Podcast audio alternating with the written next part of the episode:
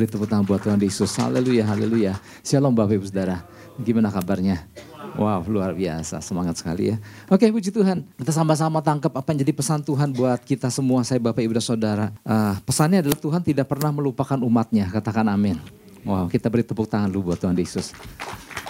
Waktu Tuhan kasih kita pesan ini, rasanya ada yang udah merasa bahwa aduh kayaknya mah gua nggak diperhatikan lagi sama Tuhan. Kayaknya mah Tuhan udah lupa. Ya.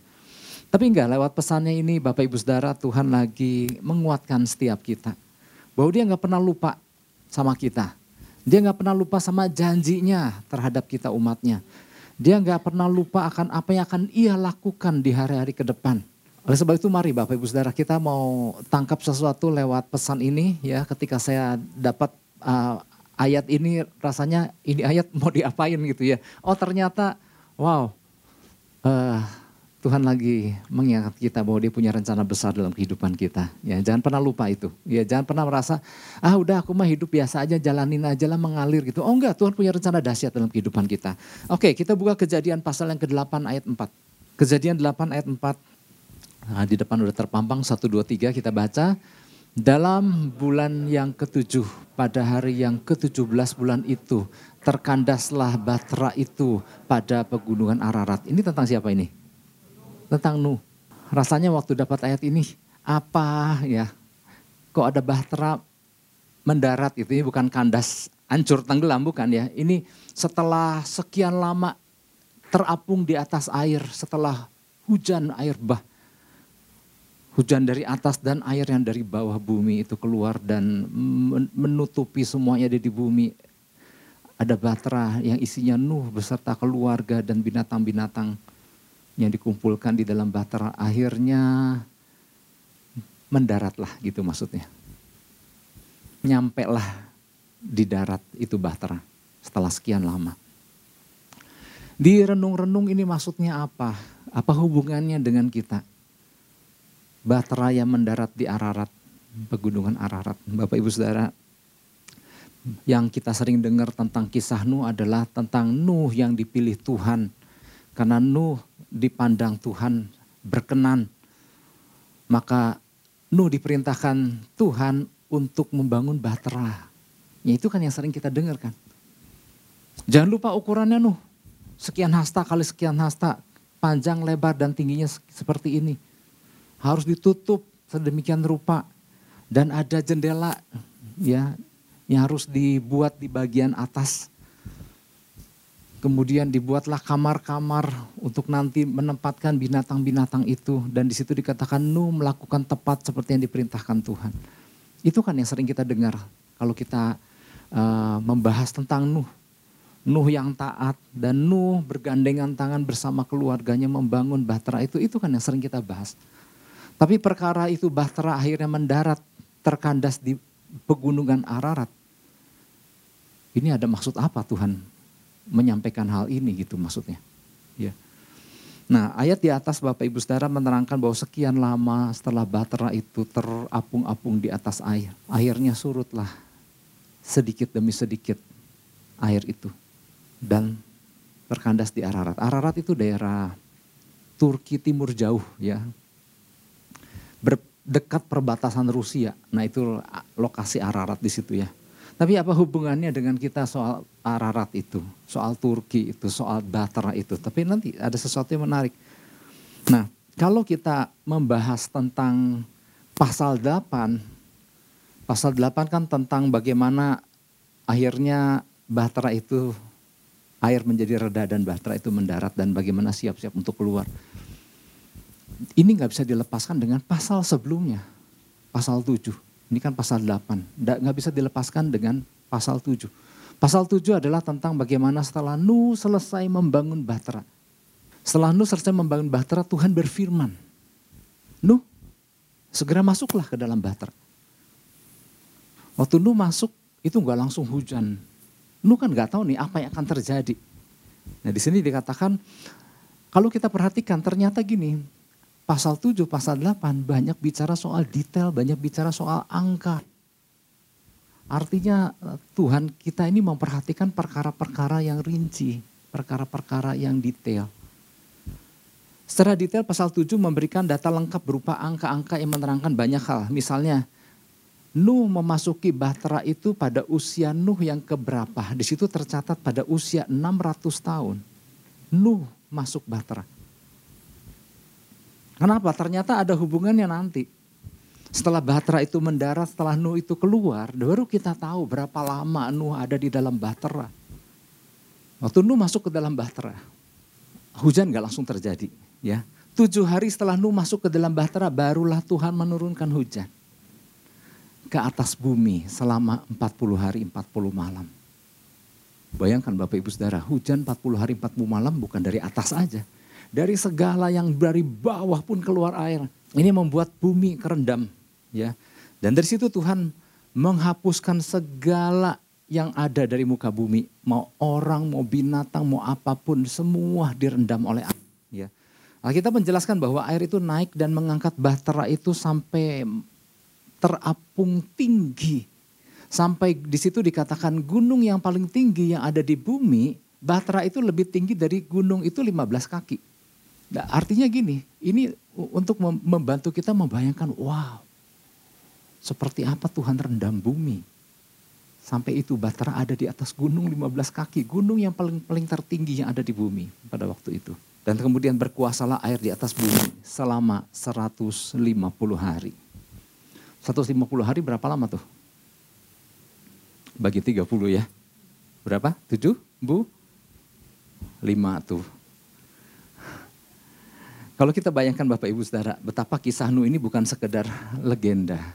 Bukan sekedar kisah perjanjian lama yang di mana Tuhan mempercayakan seseorang untuk membangun sesuatu yang besar. Be betul, ya. Tetapi bukan cuma sekedar kisah lama. Tetapi maknanya itu relevan sampai hari ini Bagaimana Tuhan mempercayakan kepada seorang manusia sebuah tugas dan tanggung jawab. Di mana disambut oleh manusia itu. Dan kemudian dia melaksanakannya tepat seperti yang Tuhan perintahkan. Bukankah ini yang terus Tuhan inginkan sama kita sampai hari ini? Keberadaan kita ini untuk bukan bukan melakukan rencana kita, tapi keberadaan kita untuk melakukan rencana Tuhan. Tuhan kasih blueprintnya, Tuhan kasih gambarannya. Untuk kita bangun sesuatu seperti yang Tuhan inginkan. Wow ini luar biasa. Ya tapi ini di bagian dalam nanti dibahas. Nah kembali dulu ke pasal yang ke-8. Tadi kan 7 tuh dengan segala detail angka-angkanya. Sekarang masuk ke dalam pasal ke-8. Sebenarnya gini, karena saya udah baca ya Bapak, makanya saya agak-agak detail nyampaikannya kan Bapak Ibu belum baca. Nanti di rumah bisa baca sendiri. Tetapi ini menarik ternyata. Pasal-pasal yang jarang kita bahas ternyata wow luar biasa. Ada maknanya luar biasa. Ya kembali ke pasal 8. Ada yang menarik di situ. Di pasal 8 ayat pertama dibuka dengan per, perkataan Tuhan. Maka Allah mengingat Nuh dan segala binatang liar dan segala ternak yang bersama-sama dengan dia dalam bahtera itu. Dan Allah membuat angin menghembus melalui bumi sehingga air itu turun. Di situ ada kata, maka Allah mengingat Nuh dan segala binatang liar dan ternak yang bersama-sama dengan dia. Ada kata mengingat.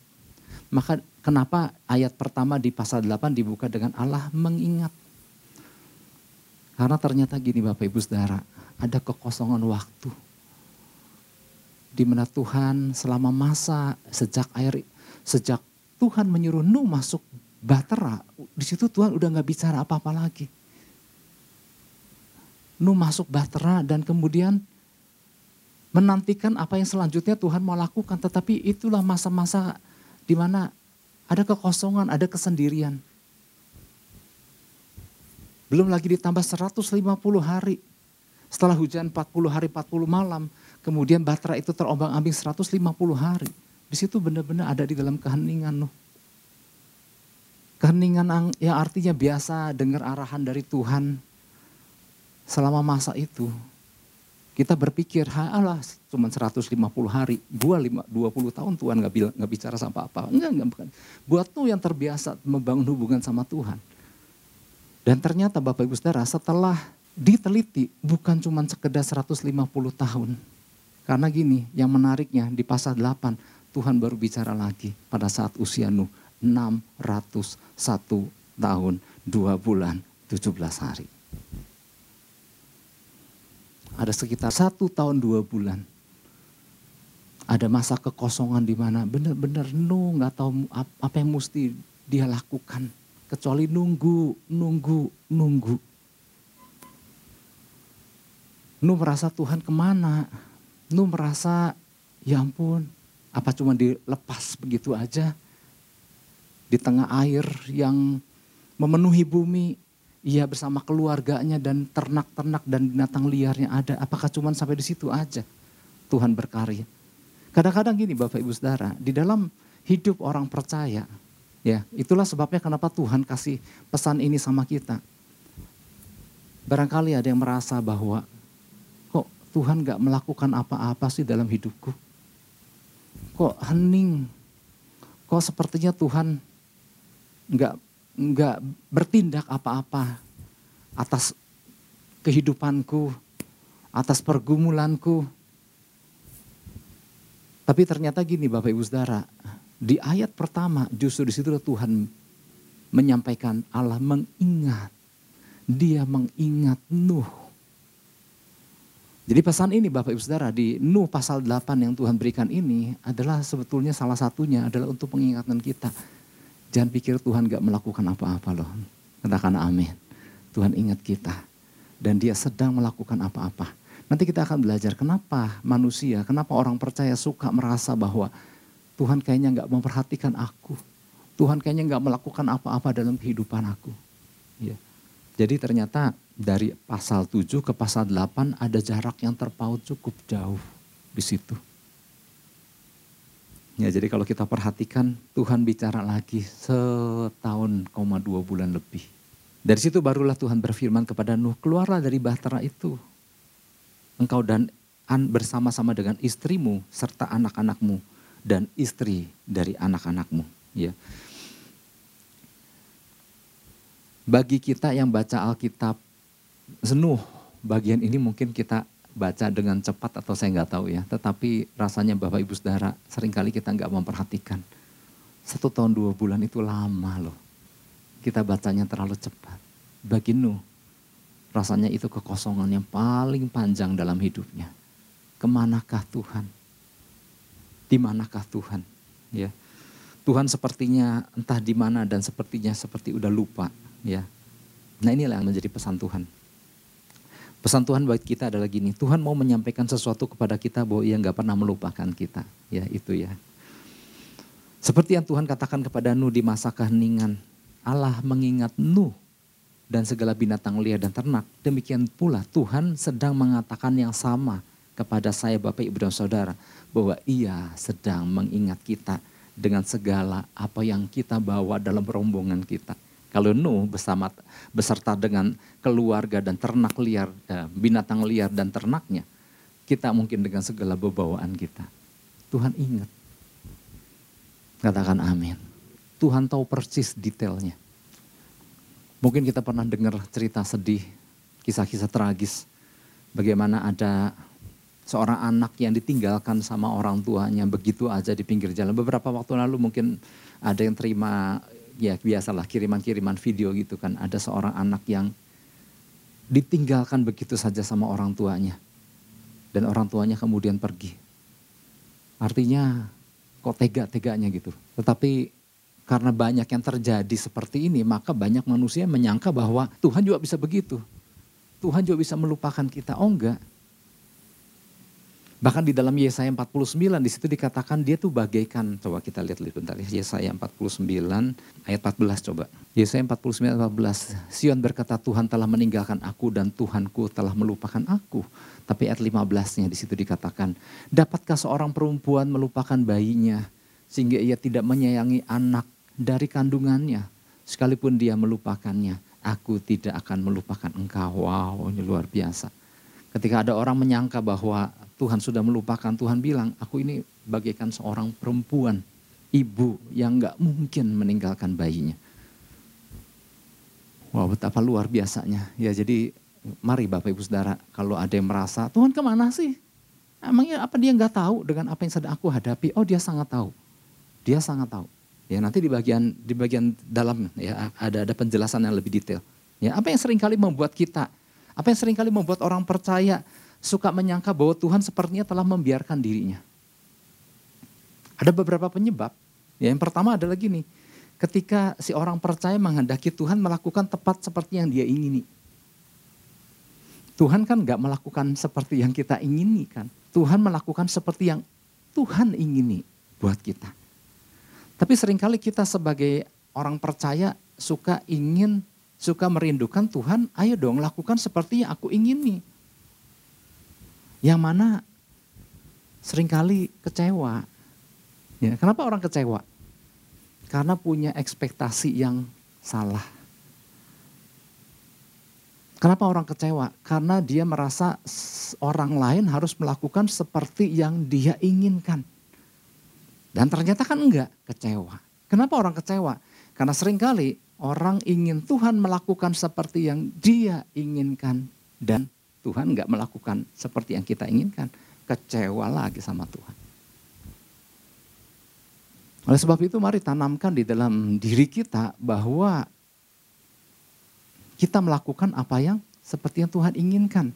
Dan Tuhan melakukan seperti yang dia inginkan. Maka selaraslah ketemulah ya. Maka itulah kunci dalam kehidupan berkomunitas.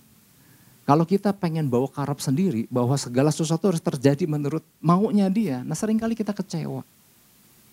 Nah demikian pula kehidupan orang percaya. Kenapa sering kali merasa Tuhan sedang meninggalkan dan nggak melakukan apa-apa? Karena gini, merasa Tuhan membiarkan dia karena nggak melakukan seperti yang dia inginkan. Oh memang bukan begitu cara mainnya. Tuhan punya waktu dan caranya. Tuhan punya apa? Waktu dan caranya. Bahkan kapan ya waktu hari Minggu kali kita dengar ya. Bagaimana ketika uh, pernikahan di Kana.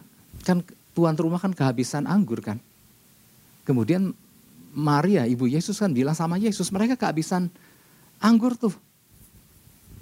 Kemudian apa jawab Yesus? Maukah, mau apakah engkau ibu karena waktuku belum tiba. Tuhan punya waktunya sendiri. Punya caranya sendiri. Dan kita sering kali pengen Tuhan melakukan seperti yang tuh kita inginkan dengan cara kita. Yang mana bukan itu cara kerjanya. Sehingga makanya nggak sedikit orang merasa ke mana sih Tuhan? Kok Tuhan nggak memperhatikan aku? Ya, jadi itu yang pertama. Ya, kenapa orang percaya suka menyangka Tuhan seperti membiarkan dirinya ketika menghendaki Tuhan melakukan seperti yang si orang itu inginkan? Kenapa sering kali orang percaya merasa Tuhan meninggalkan, ya ini alasan yang kedua. Ini belum belum masuk poin. Ketika seorang percaya suka membandingkan dirinya dengan orang lain. Kan dia sama-sama awalnya dengan aku bergumul sama-sama. Kok dia kemudian mengalami progres demi progres, kok aku belum kayaknya Tuhan pilih kasih. Karena Tuhan udah gak sayang lagi sama aku. Kenapa? Masing-masing orang beda. Kita sering dengar masing-masing kita punya tracknya sendiri-sendiri. Dan kita nggak bisa membandingkan track kita dengan track pelari di sebelah kita. Ya kalau ini, ini pertandingan kehidupan bukan pertandingan di atletik. Kalau pertandingan di atletik kan start bareng, finish bareng. Tapi kalau pertandingan kehidupan memang digambarkan seperti trek lari. Tetapi kita nggak bisa membandingkan trek kita dengan trek orang lain. Cara Tuhan menjawab, cara Tuhan bertindak kita nggak bisa membandingkan diri kita dengan orang lain. Mungkin orang lain lebih cepat ditolong bukan artinya Tuhan lebih sayang dia, enggak. Tuhan punya rencana sendiri atas orang-orang yang itu, orang lain. Oke, jadi masuk poin nih. Berapa hal yang, yang perlu kita pahami berkaitan dengan pesan Tuhan ini. ya Agar kita senantiasa memahami bahwa Tuhan menaruh perhatian penuh sama kita. Yang pertama, Tuhan gak pernah melupakan anak-anaknya. Ia punya waktunya sendiri di dalam bertindak. Tuhan gak pernah melupakan anak-anaknya. Kita siapa? Kita anak-anaknya. Tuhan gak pernah melupakan kita. Namun ia punya waktunya sendiri di dalam bertindak. Tuhan punya waktunya sendiri. Kejadian 8 ayat 1 yang tadi ya. Maka Allah mengingat Nuh dan segala binatang liar dan segala ternak yang bersama-sama dengan dia dalam bahtera itu. Oke. Kata mengingat dalam bahasa aslinya adalah zakar. Zakar artinya to remember. Jadi memang kata mengingat ya artinya seperti itu. Tapi ada makna lain tetapi nanti akan saya bahas. Jadi arti kata pertama dari mengingat ya nggak lupa. Tuhan mengingat, Tuhan remember ya. Memang awalnya seperti ada kesan Tuhan telah melupakan Nuh ya sekian lama di dalam bahtera Bapak Ibu Saudara kalau di kalau kita ada di dalam posisi Nuh di dalam bahtera Bahtera Nuh kan bahtera yang dibuat kayak kotak sabun kan sebetulnya. Isinya penuh dengan binatang. Nggak ada jendela. Kalau kita ada di kapal laut, kita masih bisa lihat keluar apa yang terjadi di luar. Kalau bahteranya Nuh, jendelanya tuh ada di atas. Hanya bisa lihat ke atas. Dan nggak tahu apa yang terjadi. Pada saat hujan lebat turun, mereka lu nggak lihat apa yang sedang terjadi. Kayaknya mengerikan kan. Semua orang direndam, semua binatang kan direndam dengan air. Terjadi pemusnahan massal karena Tuhan melihat, wow ternyata kejahatan manusia sudah demikian luar biasa pada waktu itu. Nah tapi yang ada di dalam kan terus terapung-apung di atas air, ya si baterainya itu ke kiri, ke kanan, ya ke depan, ke belakang kita nggak tahu. Dan itu 150 hari lebih. Bahkan 150 tuh di atas airnya terapungnya. Belum nanti nunggu di, di, di pasal 8 itu Nuh oke okay, nggak langsung turun begitu serat, masuk 150 hari nunggu air turun dulu. Makanya Tuhan pakai membuat angin menghembus melalui bumi sehingga air itu turun. Ya kayak orang habis ngepel lantai kan suka diangin-angin supaya airnya cepat nguap gitu. Nah yang di dalam bahtera, kalau kita coba tempatkan diri kita di dalam bahtera, kan nunggunya kan, aduh ini apa lagi? Rasanya bat, uh, bahannya udah, hujannya udah reda. Ini udah masuk bulan yang kesekian, kok masih belum ada tanda-tanda, itu belum mendarat tuh di Ararat, itu belum. Karena nunggu airnya reda, turun, turun, turun, turun. Makanya nggak heran Bapak Ibu Saudara, orang yang ada di dalam kondisi di dalam bahtera yang tertutup, dia nggak tahu apa yang terjadi di luar. Rasanya bertanya-tanya. Kan itu bahtera kan gak ada, gak ada jendela dan rapat kan. Karena supaya air jangan masuk kan. Artinya gini, ini tuh tanggal keberapa, hari keberapa, ada siang udah malam gitu ya. Mungkin bisa lihat ke atas sih. Tetapi ada sebuah penantian. Tapi gini Bapak Ibu Saudara, yang saya mau sampaikan saya nggak mau terlalu lama di situ. Di saat Nuh lagi mungkin bertanya-tanya, di ayat pertama Tuhan bilang, aku udah mengingat engkau. Jadi jadi sering kali yang terjadi adalah gini, di saat orang percaya sedang bertanya-tanya, ini mau dibawa ke mana sih Tuhan? Kapan sih Tuhan bertindak? Jauh sebelumnya Tuhan udah bilang, aku ingat engkau. Aku ingat engkau, bukan cuma ikut ingat engkau aja Nuh. Aku ingat segala binatang yang bersama-sama dengan engkau. Dan bukan binatang yang baik-baik aja, termasuk yang liar. Dan liar gitu ya binatang liar. Saudara pernah lihat binatang liar? Aku ingat Nuh binatang yang liar dan ternak-ternaknya. Artinya gini, sering kali kan kita memikirkan diri kita. Tuhan mana kok kau nggak melakukan tindakan terhadap diriku? Tuhan bilang, jangankan engkau yang ada bersama-sama engkau yang kecil-kecil yang engkau nggak perhatikan itu, aku juga ingat. Ini loh yang perlu kita tangkap Bapak Ibu Saudara. Hal-hal kecil ya, hal-hal yang perintil-perintil yang kita pikir ah ini mah nggak penting punya. Tuhan ingat itu, termasuk itu. Ini kan luar biasa Bapak Ibu Saudara ya. Jadi pada saat orang percaya merasa Tuhan nggak memperhatikan Tuhan udah jauh lebih dulu memperhatikan kita. Ya. Nah oleh sebab itu jadi apa yang harus dilakukan? Nah apabila kita berada di dalam keadaan seperti itu, saya nggak tahu ya masing-masing kita tetap waktu Tuhan kasih pesan ini, Tuhan melihat Ya mungkin ada orang-orang percaya yang bertanya-tanya seperti itu. Nah, jadi apa yang harus kita lakukan nih kalau ada di dalam kondisi seperti itu? Nah minimal jangan terburu-buru berpikir bahwa Tuhan gak peduli. Jangan terburu-buru berpikir bahwa Tuhan pilih kasih. Jangan terburu-buru berpikir bahwa Tuhan sudah meninggalkan. Oh enggak. Ya. Yang sering meninggalkan tuh manusianya. Tuhan gak pernah meninggalkan. Nah minimal tiga hal. Kalau apa yang harus kita lakukan. Ini masih poin satu ya lihat ke belakang. Artinya gini, tiga hal itu gini, lihat ke belakang, lihat apa yang sedang Tuhan lakukan dan lihat apa yang akan Tuhan lakukan dalam kehidupan kita. Tuhan tuh kerjanya lengkap. Oke, lihat ke belakang, hari-hari ke belakang. Betapa penyertaan Tuhan atas kita. Ya, lihat akan rencananya ketika Tuhan pilih kita. Kalau kita dipilih sebagai anaknya, sebagai miliknya, artinya bukan tanpa tugas. Dan kalau Tuhan percayakan kita tugas, artinya Tuhan percayakan plus penyertaan. Pergilah dan jadikanlah semua bangsa muridku. Ya, baptislah, ajarlah dan lain-lain. Aku akan menyertai engkau sampai kesudahan zaman. Jadi kalau Tuhan kasih perintah, dia juga uh, plus penyertaan. Nah kalau kita lihat ke belakang, Ah, gini saya sebelum sebelum sebelum Nuh lihat ke belakang. Kalau sering kali gini, apa yang membuat orang percaya sering kali sering kali merasa kayak Tuhan meninggalkan karena gini. Waktu dipilih dan diselamatkan Tuhan untuk sebuah tugas kerajaan, kemudian sering kali orang percaya jalan sendiri. Udah jalan sendiri kemudian mentok sendiri kan. Mentok sendiri kan kebingungan sendiri. Lalu kemudian berseru sama Tuhan supaya Tuhan beresin urusannya. Bukan begitu caranya. Pertama-tama harus kembali dulu ke tracknya Tuhan. Tangkap lagi rencana Tuhan atas kehidupan kita. Nah mungkin eh, segala pikiran mungkin pernah berkecamuk juga dalam Nuh. Dibayangkan di tengah di dalam bahtera tanpa ada kepastian kan. Tapi Nuh lihat ke belakang, wow. Nuh berpikir, bahtera ini kan aku yang bikin. Bahtera ini kan ukurannya besar. Dan kemudian dia mengingat ke belakang, ini kan Tuhan yang kasih perintah. Nuh buatlah batera ukuran sekian hasta kali sekian hasta, tinggi sekian hasta.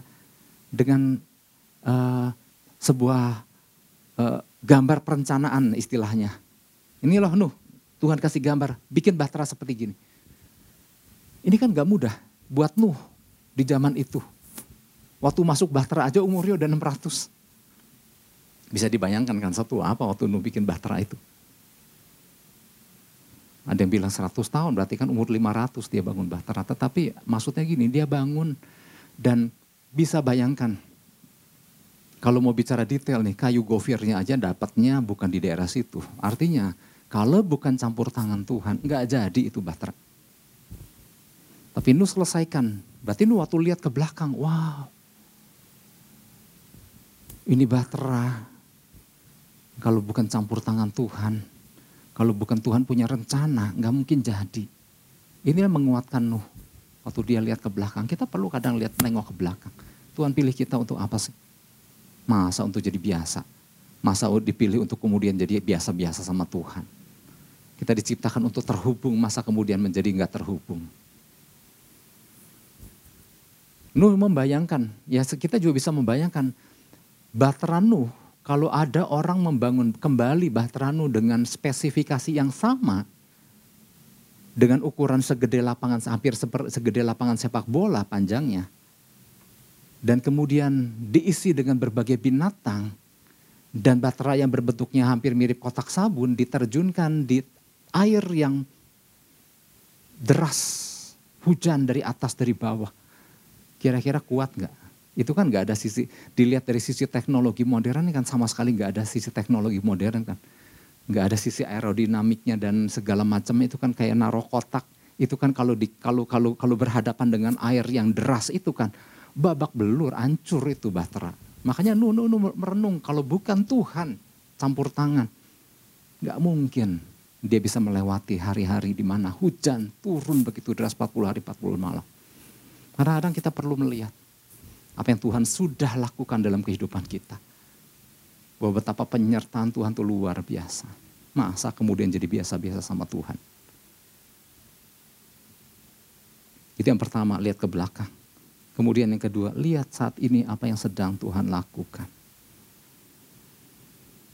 Firman Tuhan katakan bahwa hari lepas hari ia menanggung bagi kita. Mazmur 68 ayat 19. Jadi artinya kalau bukan penyertaan Tuhan, nggak mungkin Nuh bisa melewati masa-masa di dalam bahtera. Kemudian bahtera itu bisa mendarat dengan baik di pegunungan Ararat. Bayangin mendaratnya di gunung. Kalau bukan Tuhan campur tangan. Nah makanya kalau kita kadang-kadang kan sering kali udah terburu-buru menjas Tuhan. Ah Tuhan kenapa engkau gini? Tapi kalau kita lihat, kalau kita ada nih hari lepas hari, itu pemeliharaan siapa? Ya. Melewati pandemi yang berat, ya nggak mudah maksudnya. Kalau Tuhan nggak tuntun kita, jaga kita. Nah makanya kita juga perlu memikirkan ya bahwa kita tuh nggak mungkin bisa dengan sendirinya, dengan kekuatan kita kalau bukan campur tangan Tuhan. Ya. Oke. Dan kemudian Nuh juga akhirnya menjadi sabar. Nuh juga nggak buru-buru turun. Nuh nggak bisa, mungkin dia belum tahu berapa dalam, berapa tinggi dia saat itu. Mungkin air udah turun. Makanya dia, makanya di pasal 8 kan Nuh ngecek kan. Dia pertama keluar lepaskan burung gagak. Oh Nuh banyak stok binatang. Dia lepaskan burung gagak. Kemudian burung gagak itu keluar, terbang, eh balik lagi. Terbang, balik lagi. Artinya nggak ada tempat buat mendarat. Oh, air masih tinggi. Kemudian berapa lama berjalan? Itu ada itu banyak angka itu. Berapa lama berjalan? Nu lepaskan merpati. Itu masih belum pada turun itu. Di, masih di, teng, di dalam bahtera yang isinya binatang itu. Lepaskan merpati. Merpati itu balik lagi. Artinya, oh iya, belum cukup turun airnya. Sampai suatu hari dia lepaskan merpati, merpati itu datang sambil membawa di paruhnya uh, daun zaitun. Artinya wow udah ada tanaman yang tumbuh, yang muncul ke permukaan. Dan itu tanda bahwa air sudah reda. Dan sampai benar-benar mendarat. Artinya ini di dalam bahtera terus ini sekian lama. Sampai akhirnya di usia Nuh 601 tahun. Dua bulan sekian belas hari Tuhan berfirman, Nuh buka batra, engkau boleh keluar. Saudara bayangkan, satu tahun dua bulan lebih. Gak mudah. Yang ketiga lah, yang masih di poin satu. Lihat apa yang akan Tuhan lakukan. Tuhan gak mungkin percayakan kita sesuatu untuk kemudian tanpa ada rencana selanjutnya. Tuhan sempurna kerjanya. Makanya saya mau katakan, arti kata lain dari kata mengingat yang zakar tadi Bukan cuma sekedar ngingat to remember. Tetapi ternyata arti kata sakar itu adalah inilah saatnya aku akan memasyurkan engkau. Artinya inilah saatnya aku bertindak. Jadi kata Allah mengingat di dalam bahasa aslinya inilah saatnya aku bertindak. Makanya di beberapa uh, kisah-kisah di Alkitab kan waktu peristiwa Sodom dan Gomora. Tuhan kan mau membumi hanguskan Sodom dan Gomora. Tapi kemudian di situ Tuhan teringat kepada Abraham. Waktu Tuhan di sini dikatakan Rahel istri Yakub yang udah lama enggak yang udah lama mandul yang melahirkan Lea lagi, Lea lagi, bahkan budaknya Lea, bahkan budaknya Rahel pada melahirkan, Rahel belum lahir. Kemudian di situ di Alkitab katakan, kemudian Tuhan mengingat Rahel. Nah mengingat bukannya Tuhan, eh iya lupa Rahel, enggak. Dalam arti kata lain, kata mengingat Tuhan bilang tentang Rahel. Rahel, inilah saatnya. Aku akan melakukan sesuatu lewat dirimu. Jadi kata mengingat adalah inilah saat Tuhan mau melakukan sesuatu. Jadi kalau pesan ini datang sama kita. Pertama untuk menjawab. Kadang-kadang ada orang percaya merasa Tuhan udah lupa. Tetapi kalau kita tangkap lebih dalam lagi. Inilah saatnya Tuhan mau melakukan sesuatu yang luar biasa dalam kehidupan kita. Buat siapa yang nangkep. Katakan amin. Wow. Lihat apa yang Tuhan akan lakukan di hari-hari ke depan. Dan sebab itu tangkap selalu bahwa Tuhan punya rencana luar biasa. Yang penting adalah gini, nempel aja deh. Makanya Nuh begitu keluar bahtera, apa yang Nuh lakukan? Nuh bangun mesbah. Karena bangun mesbah di dalam kapal kan, kapal bisa kebakar Bapak Ibu Saudara. Nunggu keluar dulu binatangnya yang terbaik, ada ternakan, ternaknya dipotong, dipersembahkan korban api, korban bakaran sama Tuhan. Artinya ini loh, kalau kita mau terus melihat cara Tuhan, bagaimana Tuhan berkarya dalam kehidupan kita, bagian kita adalah udah nempel aja deh. Ngapain? Nempel aja. Terhubung terus deh. Oke, itu poin yang pertama, ya. Poin yang pertama adalah Tuhan tidak pernah melupakan kita anak-anaknya. Namun Tuhan punya waktunya sendiri dalam bertindak. Itu yang pertama. Yang kedua, wow. Yang kedua adalah Tuhan sedang mengingatkan kita akan waktu yang ada dan fungsi apa yang harus kita lakukan di dalam menanggapinya panjang amat ya. Tuhan sedang mengingatkan kita akan waktu yang ada. Artinya Tuhan lagi mengingatkan ini waktu ini waktu apa nih? Ya, Tuhan mengingatkan kita akan waktu yang ada saat ini dan fungsi apa yang harus kita lakukan di dalam menanggapi. Kenapa contohnya Nuh? Karena gini Bapak Ibu Saudara, kalau cuma sekedar Tuhan menyampaikan pesan bahwa ia mengingat kita, kan banyak pasal-pasal lain di luar kisah Nuh. Daud pernah kan ngalami, di manakah Tuhan? Bani Korah di dalam Mazmur 42 eh, pernah bertanya, di manakah engkau Tuhan? Jadi kalau mau cuma sekedar menjelaskan orang percaya kadang suka menganggap Tuhan lupa, banyak pasal lain kok.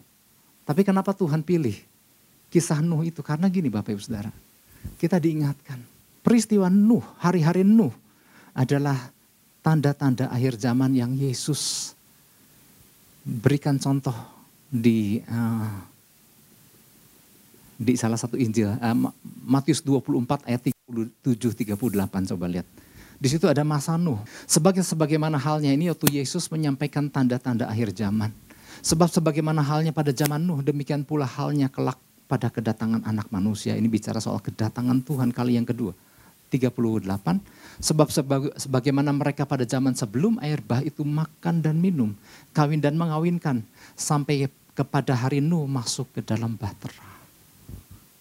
Jadi kalau Tuhan pakai kisah Nuh, artinya bukan cuma sekedar ngasih tahu bahwa Nuh ngalami kekosongan Allah di mana enggak, bukan cuma itu aja. Kisah Nuh ini diberikan sama kita buat pesan adalah untuk mengingat zaman apa kedatangan Tuhan harus semakin mendekat. Tuhan mau kita bertindak sebagai orang-orang seperti Nuh yang nangkep rencana Tuhan. Artinya Tuhan mau kita lakukan fungsi kita. Jadi inilah bukan saatnya lagi kita, Tuhan mana kok nggak ngurusin urusan aku, bukan ini bukan saatnya Tuhan ngurusin urusan kita. Inilah saatnya kita menanggapi urusan Tuhan. Katakan amin. Tuhan aku siap untuk melakukan apa yang engkau mau aku lakukan bersama keluargaku. Karena Nuh nggak melakukan sendiri. Nuh melakukannya bersama istri, tiga anak, dan tiga mantunya. Artinya bersama-sama keluarga aku dan seisi keluargaku. Artinya kalau hari ini jangankan nangkep rencana Tuhan, ngurusin pasangan aja kadang-kadang ya ampun. Inilah saatnya mari. Kita bergandeng tangan suami istri, katakan amin. Banyak banyaknya kalau ditanya gini banyak yang perempuan ya Suami istri bergandeng tangan katakan amin. Nah lumayan mulai ada pria-pria menjawab. Karena gini kita nggak bisa melakukannya sendiri tanpa apa yang Tuhan bersama dengan apa yang Tuhan percayakan dalam kehidupan kita. Bapak ibu saudara saya nggak panjang lebarkan tetapi mari kita tangkap. Betul Tuhan akan selalu mengingat kita dan saatnya Tuhan mau melakukan sesuatu atas kehidupan masing-masing daripada kita. Tetapi jangan lupa lewat pesan ini juga. Kalau Tuhan kasih Nuh Artinya, mari kita lakukan seperti yang Nuh lakukan. Menanggapi rencana Tuhan bersama keluarga. Yang ngerti katakan amin dan beri tepuk tangan buat Tuhan Yesus. Haleluya.